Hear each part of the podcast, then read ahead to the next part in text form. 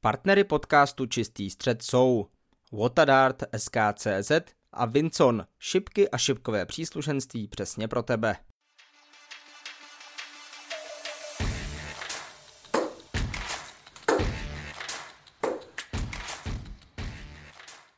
Příjemný šipkový den všem posluchačům podcastu Čistý střed. Vítám vás u druhého dílu, druhé série. Dnes už eh, normálně eh, v online prostředí, ne tak eh, jako před několika měsíci s Vítěou Sedlákem přímo v Letňanech.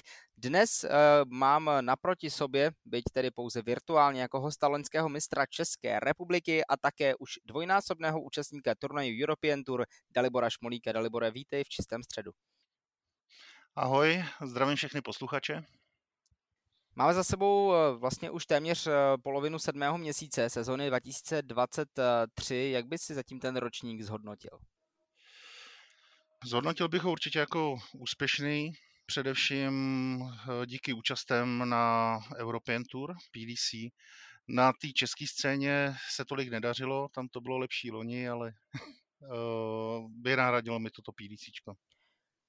Když se právě u toho PDC zastavím, tak uh, zmíním uh, tvé dvě účasti na právě těch European Tour, jedna v belgické Věze, druhá potom uh, v Praze. Takže předpokládám, že se nemusím ptát, kterou z nich si více užil, ale co ti každá z těch European Tour dala do života? Ohromné zkušenosti, co se týká nejenom šipek, ale celkově té organizace, poznat tam ty lidi. Bylo to výborná zkušenost.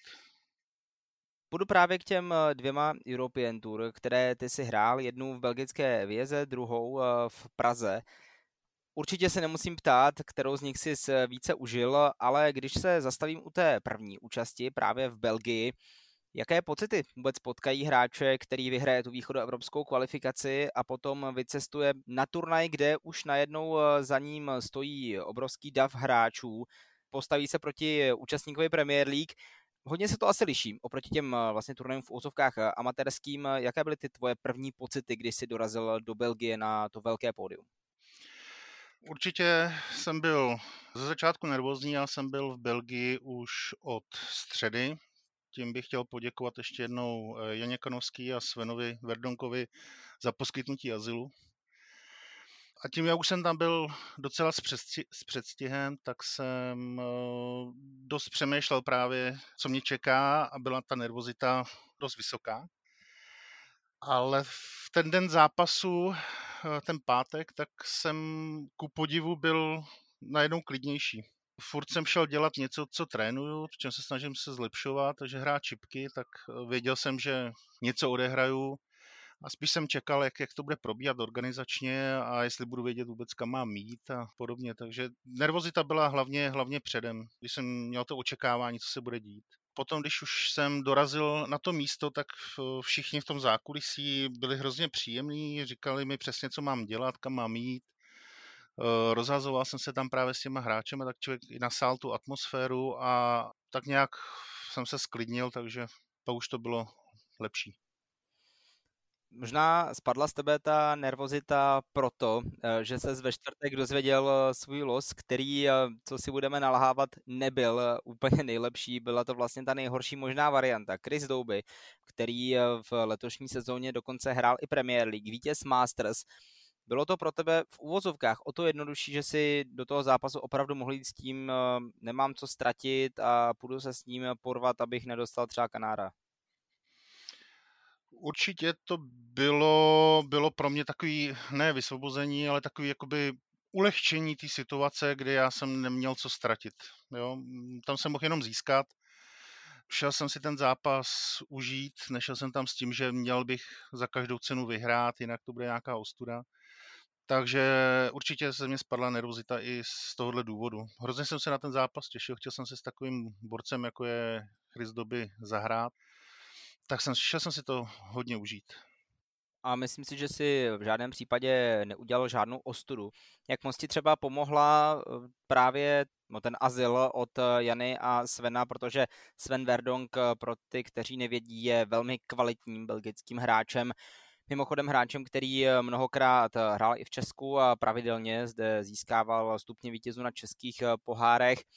Hráli jste třeba i spolu během té středy čtvrtka, kdy si ještě nevěděl, koho máš za soupeře a připravoval ses na ten turnaj? Um, nehráli jsme vysloveně proti sobě zápasy, ale rozhazovali jsme se spolu na terči. Ve čtvrtek za náma dorazil ještě Martin Otava, současný vlastně předseda svazu. Takže ten se k nám přidal. Takový uvolnění bylo, když nás vlastně Sven vzal sebu do svého domácího klubu, kde hrajou eh, vlastně ligu Poznal jsem se tam s eh, místními hráči, kde jsme si potom zahráli nějaký zápasy vlastně proti těm jeho spoluhráčům z klubu. Takže bylo takový uvolněný, získal jsem si tam spoustu, spoustu přátel a bylo to hrozně příjemný. Takže moc mi to pomohlo. Když se už eh, naposledy zastavím u té European Tour, eh, u toho utkání s Chrisem Dobym, tak uh, určitě musím zmínit, uh, že si začal velmi dobře. Vedl si nad uh, dnes tedy světovou 21. 2-1. Myslel si třeba v tu chvilku, že by to mohlo výjít, že by mohla přijít nějaká senzace, že by si opravdu dotáhl ten zápas nad velmi dobrým angličanem do vítězného konce? Takhle jsem nad tím nepřemýšlel v tom zápase. Naopak po tom, co jsem vedl 2-1, tak se mi tam nepovedlo několik náhozů. Míjel jsem nějaký ty triply a naopak si myslím, že jsem malinko znervoznil, že mi to trošku vyvedlo z toho soustředění.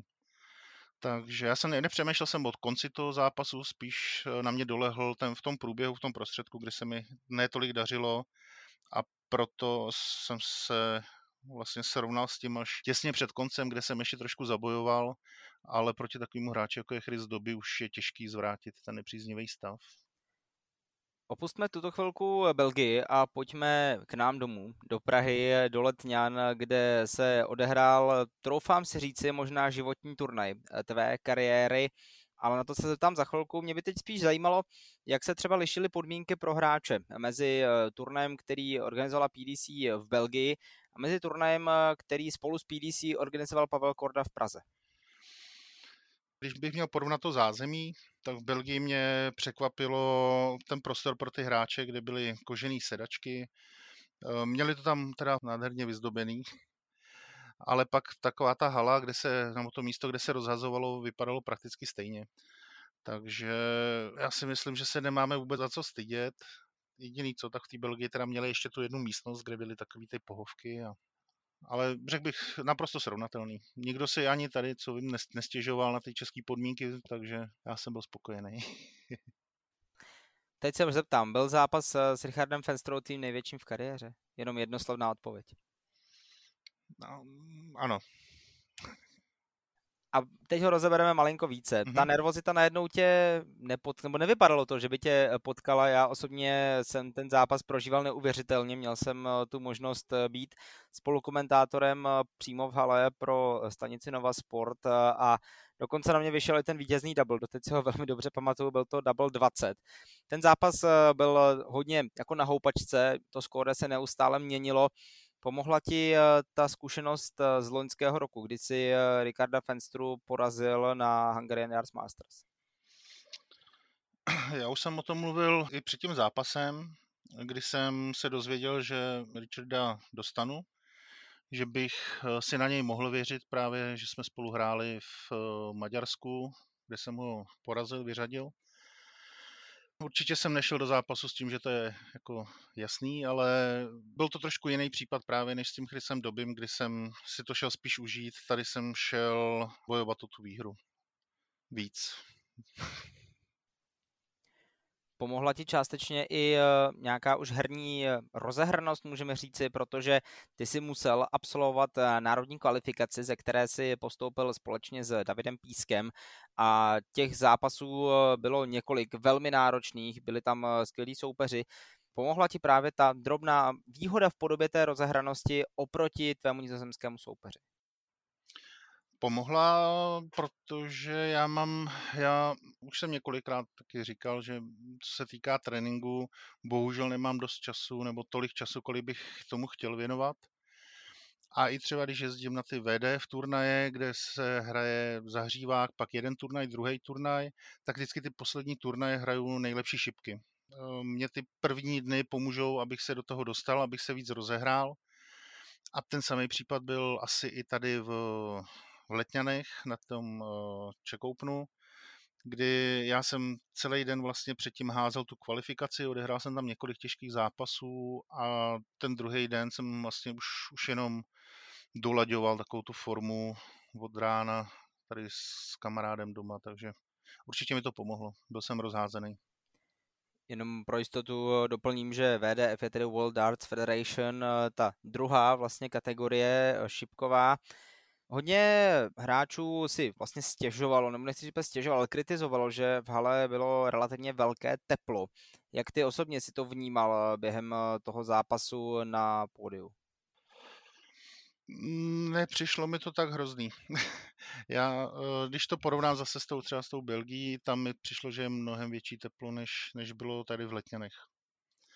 Co se týká té tý haly vzadu, kde se hrála kvalifikace a kde jsme se pak rozhazovali před tím turnajem, tam byla dokonce naopak, bych řekl, až skoro zima, nebo po dobu kvalifikace určitě. A nějak jsem nevnímal to horko na tom pódiu. Nepřišlo mi to tak hrozný. Samozřejmě nemůžu se nezeptat eh, na diváckou podporu během eh, nejenom tvého zápasu, ale jakéhokoliv českého zápasu, kterých bylo během toho dne opravdu obrovské množství. Jaké to je vůbec eh, pro hráče slyšet, jak skandují jeho jméno? To je ta jedna otázka. A druhá otázka, už naposledy se dostanu k tomu utkání s Richardem Fenstrou. Byla to ta pomyslně řečeno čtvrtá šipka navíc, která tě dovedla k tomu postupu do druhého kola? Tak fanoušci byli fantastický.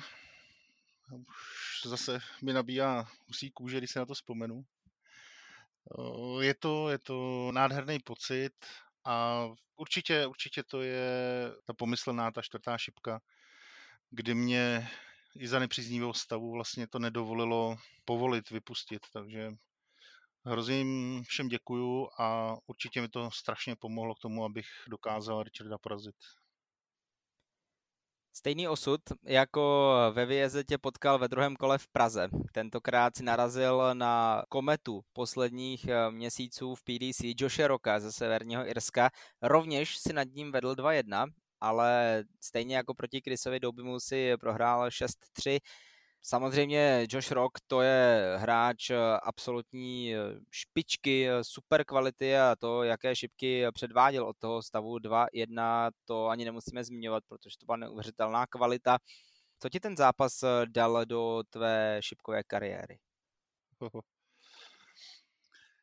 Určitě si z toho můžu vzít nějaké zkušenosti. Mně se v tom zápasu nepodařilo tolik skórovat. Já jsem byl vždycky hráč, který jako měl výborný skórování a pak jsem ztrácel na dablech a za tady ty turnaje jsem byl přesně opak, že dubly mi šly a skórování nebylo třeba podle mých představ. A přímo k tomu zápasu s tím Joshem Rokem, on od té půlky, nebo od té půlky, od toho stavu 2-1 prostě neudělal chybu hrál, hrál výborně, měl náhozy, okamžitě zavíral. Já jsem čekal, kdyby, kdyby mi tam spadl třeba nějaký ten triple navíc, eh, já jsem nebyl daleko za ním, ale prakticky mě k tomu už nějak nepustil, nepustil mě do toho zápasu. Pohlídal si to neuvěřitelně a pro mě to je zkušenost v tom, abych věděl, jak mám příště hrát já. Ostatně Josh Rock eh, o den později málem porazil Michaela van Hervena v eh, obrovské bitvě, která zvedala sedačky ze, eh, zvedala diváky ze sedadel v pražských letňanech. Už pojďme od tohoto turné dál. Podívejme se na chviličku, malinko do budoucnosti, než se vrátíme zpět do minulosti, tak jak už to je v tuto chvíli běžné. Bude teď hlavním cílem pro tebe příští rok Q School, která by ti vlastně mohla umožnit eh, se šipkám věnovat více naplno, alespoň na ty dva roky, kdyby se stal profesionálem a dostal by se spobok eh, Adama Gavlase a Karla Sedláčka. Bude to určitě jeden z těch vrcholů, i když je to hned na začátku sezóny, tak to bude jeden z těch vrcholů sezóny. Nedávám si to jako takový ultimátum, že prostě musím za každou cenu kartu získat. Furt mám potom možnosti opět objíždět ty kvalifikace a dostat se na nějaký European Tour ale určitě tam chci hrát uh, výraznější roli, než jsem hrál loni, takže je to jeden určitě z vrcholů té příští sezóny, ale neřekl bych, že to je takový to, ten největší vrchol, jenom, jenom ta Q School, že tam se to bude všechno odvíjet jenom vodní. Ohledně Q-School mě napadá ještě jedna otázka, byť taková trošku do širšího tématu. Jak moc eh, vám třeba pomáhají se svými zkušenosti právě Adam s Karlem, protože oba skrz eh, Q-School prošli, oba toho mají za sebou neuvěřitelné množství, ať už jsou to výsledky na majorech samozřejmě. Je to to semifinále Adama Gavlase na UK Open a jeho titul eh, z Development Tour, což znamená, že už jenom vlastně s čím dál tím více potvrzuje roli české jedničky. Ale abych se vrátil zpět k tomu dotazu, je to opravdu o tom, že i třeba jednou za čas se bavíte s Karlem a Adamem, jak se třeba na Q-School připravit, nejenom herně, ale i mentálně a jak potom na tom samotném turnaji předvést ten nejlepší výkon? Já jsem se s nima ohledně Q-School asi nikdy nebavil. Tam funguje samozřejmě nějakým způsobem, že si popřejeme, pošleme SMS nebo podobně ale nikdy jsem jakoby nevyzvíral nebo nezjišťoval, nezjišťoval informace. Na druhou stranu na tu Q-School už nějakou dobu jezdí poměrně dost Čechů, teď nás tam bylo, mám tuším 12, který vlastně tu zkušenost s tou Q-School, jak to chodí, jak to probíhá, mají, takže můžu čerpat od nich. Teď už eh, pojďme tedy o kousíček zase zpátky, ať eh, se dostaneme i k tím dalším úspěchům. Já jsem totiž na začátku zmínil, že se stal eh, mistrem České republiky v loňském roce. A ty si po cestě za mistrovským titulem porazil už zmiňovaného zlýho Káju, tedy Karla Sedláčka. Je to pro hráče ještě o to cenější, než kdyby porazil a teď nechci, aby to vůbec vyznělo špatně, hráče, který prostě tu kartu nemá, respektive nikdy ji neměl a nikdy nebyl ani třeba blízko té kartě. Je to prostě ta výhra nad Karlem Sedláčkem, je to cenější? Nevím, jestli bych řekl úplně cenější, každopádně samozřejmě potěší porazit uh, Karla. Nestává se to denně, takže, ale asi jo, ono prostě když porazíte někoho v úvozovkách bez uh, známého jména a může hrát přitom sebe líp a porazíte někoho s, uh, se známým jménem, tak hlavně pro ty lidi okolo to je samozřejmě atraktivnější, takže asi jo, asi to, asi to chutná líp. Spolu s tebou se stala mistrní České republiky Jitka Císařová, která už eh, vládne českým šipkám eh, od eh, neuvěřitelně dlouhé doby, ani už nevím, kolikátý titul v řadě získala. Je to taková drobná paralela s druhým podcastem, který točím z bowlingového prostředí. Tam se podobná věc podařila Petře Otec Hanzlovské, která je nyní už čtyřnásobnou mistrní České republiky v řadě, šestinásobnou celkem. Není to už takové až možná mírně k úsměvu, že neustále na tom pódiu stojí Jitka Císařová, vedle ní se točí eh, ti muži jak na kolo točí.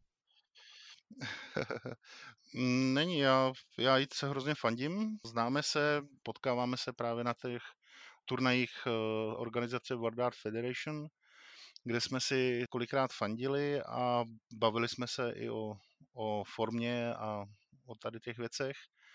Já jí hrozně fandím a může dohnat toho Taylora, Fila. Ještě jí chybí kolik, 11 titulů? Tak eh, říkávalo se tak eh, Trně Gulliver, Phil Taylor v sukních, mimochodem desetinásobná mistrně světa a hráčka, která doteď eh, hraje šipky na té seniorské úrovni, stejně jako Phil Taylor, nebo velmi úspěšný Robert Thornton, který už má na kontě mnoho titulů v té seniorské organizaci. Dalším velkým úspěchem loňského roku, který eh, troufám si říct, že pro tebe byl jeden z těch průlomových, eh, bylo právě vítězství na Hungarian Darts Masters, kde si porazil už zmiňovaného Richarda Fenstru, porazil si také například eh, slovinského účastníka mistrovství zda PDC Benjamina Pratnemera. Jak se tehdy připravoval na ten turnaj? Já jsem celý ten rok už od, od toho úspěchu na té republice jsem měl samozřejmě poměrně zvednutý sebevědomí, eh, věděl jsem, že mám naházíno, že nehraju špatně a dařilo se mi docela na, i na ostatních turnajích, i když třeba ne, nebyly ty výsledky, že bych to vysloveně vyhrál, ale nehrál, nehrál jsem špatně, takže jsem tam měl poměrně sebevědomí. Navíc jsem se zase postupně rozehrával. Už ten den předem jsem skončil v Last 32, kde jsem prohrál s Gary Stonem ze Skotska, který skončil celkově snad třetí. Takže nějak speciálně na ten turnaj jsem se nepřipravoval, ale spíš to bylo to moje rozpoložení za celou tu sezónu, kde jsem se cítil velice dobře. Pojďme se ještě podívat na chviličku na ten průběh toho samotného turnaje. Už jsem to zmiňoval, porazil si tam několik velkých jmen.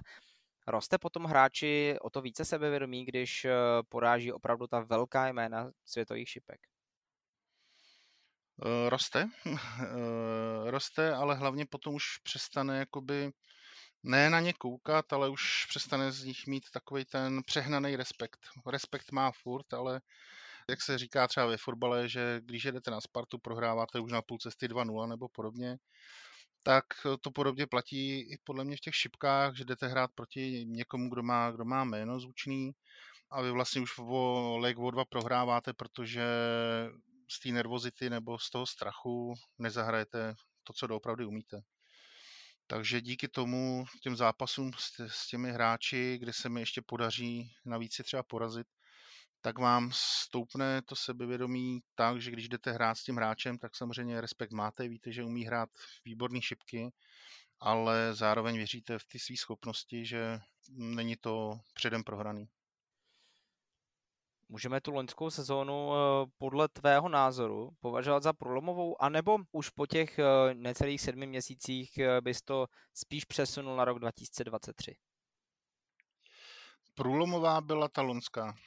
Já jsem, já jsem vlastně nikdy předtím neměl úspěchy na velkých turnajích, na menších regionálech a podobně, tak tam jsem dokázal vyhrávat, ale pro mě byl vlastně průlom, řekl bych, to mistrovství republiky, už možná ten týden předtím, kdy jsem vlastně vyhrál regionál v Dobříši, kde bylo přes 80 hráčů. Tam jsem překročil takový ten svůj, tu svoji hranici u těch velkých turnajů, najednou jsem zjistil, že to prostě jde a to si myslím, že mě hrozně moc posunulo dopředu. Takže průlomová byla určitě ta lonská sezóna, ten začátek té lonské sezóny. V loňské sezóně jsi zahrál eh, nejenom za sebe, ale také za českou reprezentaci na mistrovství Evropy. Je to pro hráče o to větší stres, když najednou nemá na zádech jenom Dalibor Šmolík, ale najednou už tam je k tomu i ten eh, nápis Czech Republic a při tom slavnostním ceremoniálu člověk nese vlajku a v podstatě si možná i představuje, jak jednoho dne může znít na pódiu česká hymna. Je to větší zodpovědnost, neřekl bych, že jakoby větší stres, větší zodpovědnost, eh, víc myslí na ten tým. Já celkově, když hraju za tým, tak jsem takový, cítím větší zodpovědnost, možná i teda tu nervozitu trošku větší, ale je to určitě obrovská, obrovská zodpovědnost, ale zároveň i hrdost.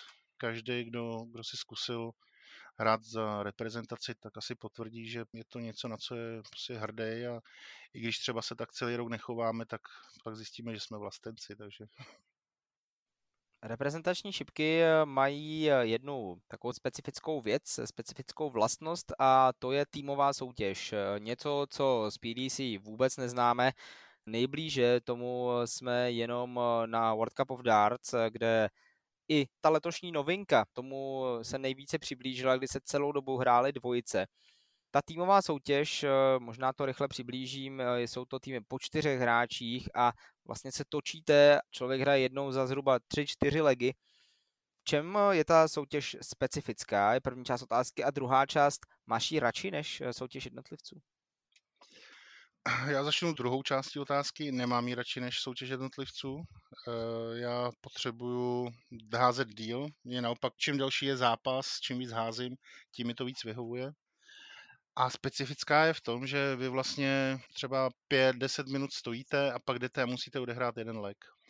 Musíte být vlastně připravený. Nemáte se kde rozhazovat, protože ty terče jsou plný a vy vlastně stojíte, fandíte tomu jednomu člověku, který zrovna hází, on si odehraje svůj lek, pak jde další, další a pak jdete na řadu vy a musíte podat vlastně maximální výkon, protože třeba když jsme hráli s Angličanama, tak proti vám stojí jména, jako je Liter nebo uh, jiný anglický hráči, teďko mě nenapadá. A vy musíte vlastně okamžitě přijít a hned ten jeden lek podat ten maximální výkon, což je obrovsky těžký a nemáte ani jakoby šipky, abyste se pořádně rozházeli. Takže radši mám jednotlivce a pokud možno co nejdelší zápasy. Je v tomhle momentě důležitá mentální příprava před tím samotným turnajem, protože sám si to zmiňoval, člověk odehraje, najednou dalších pět minut má volno, je to něco, co v šipkách není úplně běžná věc, takže je to třeba součástí mentální přípravy na turnaji, že si člověk v tréninku zahází jeden lek, pak si dá nějakou pauzu a pak zase pokračuje? Každému asi vyhovuje jiný způsob té přípravy, ale je to jeden ze způsobů, jak se na to připravit.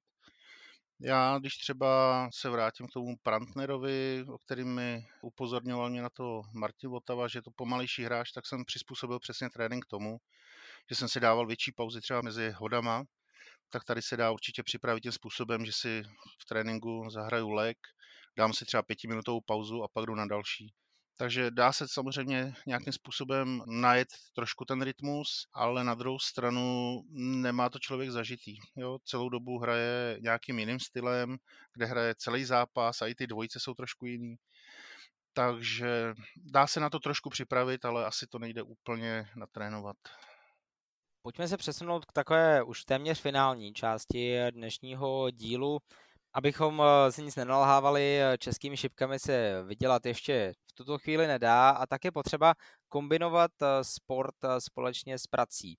Jak náročné to je u tebe v tvém konkrétním zaměstnání, aby si měl dostatek času na tréninky, turnaje, dost peněz na turnaje, ale také zvládal v klidu pracovat? Já, si, já sice nedělám uh, fyzicky náročnou práci, sedím v kanceláři a u počítače, ale ono je to možná, bych řekl, v některých aspektech ještě horší v tom, že člověk je unavený, bolí ho oči, je takový až, až letargický a když pak dorazí domů, a to, že chodím domů pozdě, takže třeba někdy v půl sedmí, v sedm, do toho mám psa, ho pak jdu třeba venčit, takže na, nakonec bych se dostal k těm šipkám až třeba v 9 hodin večer, ale člověk je z toho dne tak unavený, že se mu kolikrát ani nechce házet. A já jsem ten typ člověka, když se mi nechce házet, tak to jako na silu nechci přervat, nechci to přehánět. Takže se může stát, že třeba týden na ty šipky skoro nešáhnu, bohužel. Takže kombinovat je to těžký pro mě. Co se týče nějaké finanční stránky, tak eh, ty máš, pokud to asi tak můžu prozradit, eh, sponzora na minimálně část eh, šipkového vybavení. Jak vůbec nějaký lepší hráč se k takovéto dohodě dostane? Já jsem měl obrovský štěstí, že jsem se dostal ke sponzorovi, jako je QSoul, což je vlastně čínský výrobce šipkového vybavení a dopomohlo mi k tomu Luke. Luke Tucker? Jo, jo, ano, Luke Tucker, který vlastně s nimi začal spolupracovat, dělá pro ně něco jako skauta pro Evropu. A tím, že jsme se znali z různých turnajů, viděl tam u mě nějaký vlastně ten progres, který jsem za ty poslední roky dělal, tak mě oslovil a nabídl mi možnost vlastně stát se členem té skupiny QSoul, QSoul takže já jsem měl štěstí asi tady z toho hlediska, že se s Lukem znám a že on s ním navázal spolupráci. Jinak, co se týká výrobců těch šipek, většinou si vybírají nějaký mladší hráče, který vlastně se někde ukážou. Těžký říct, no. Nikdo, nikdo jiný se mi předtím neozval, takže, takže jsem vzal to, co je. Tak eh, na úplný závěr eh, jenom eh, takové tři super rychlé otázky na extrémně krátké odpovědi. V jakém roce jsi začal hrát šipky? Nebude tak jednoduchý. jsem začal hrát šipky vlastně dvakrát.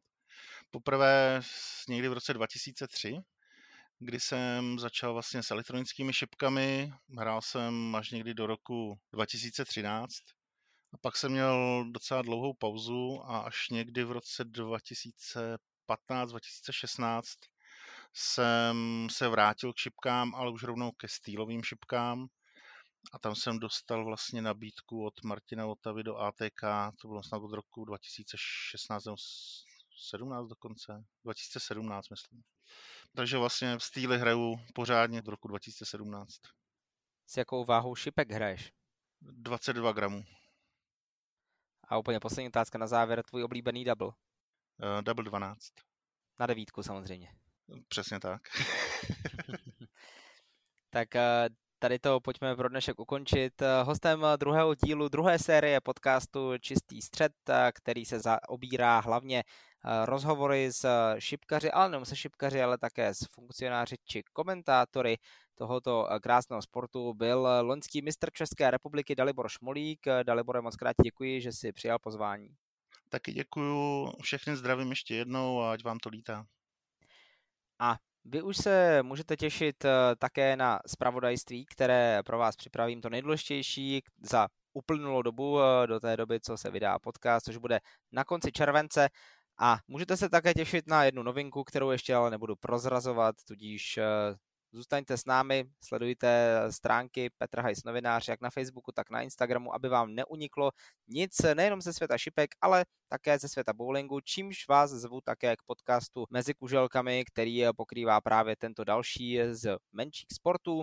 Teď už je to ale ode mě s Daliborem všechno, mějte se krásně a za měsíc opět naslyšenou. A nyní nejdůležitější zprávy šipkového července.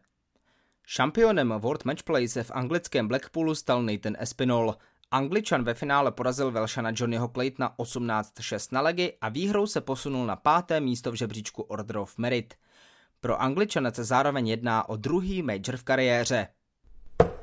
V Blackpoolu se také uskutečnil druhý ročník ženské verze World Matchplay. Trofej si podle očekávání odnesla angličanka Bo Greaves, která ve finále porazila Japonku Mikuru Suzuki. Poland Arts Masters ovládl ve Varšavě nizozemec Michael van Herven. Podniku světové série, který do Polska zavítal poprvé, se zúčastnili i Češi Adam Gavlas a Karel Sedláček. Oba ale vypadli v prvním kole. V anglickém Milton Keynes se poslední červencový víkend odehrály další čtyři podniky Women's Series. Stejně jako je zvykem z předchozích víkendů, i tentokrát dominovala Bo Greaves. 19-letá angličanka vyhrála všechny turné a upevnila pozici ženské světové jedničky. Velšan Johnny Clayton se nezúčastní srpnových turnajů World Series of Darts v Austrálii a na Novém Zélandu. Finalista nedávného World Matchplay se omluvil z rodinných důvodů. Na Novém Zélandu ho nahradí Warren Perry, v Austrálii poté Harley Kemp. To byly nejdůležitější zprávy šipkového července. Další zpravodajství opět na začátku září.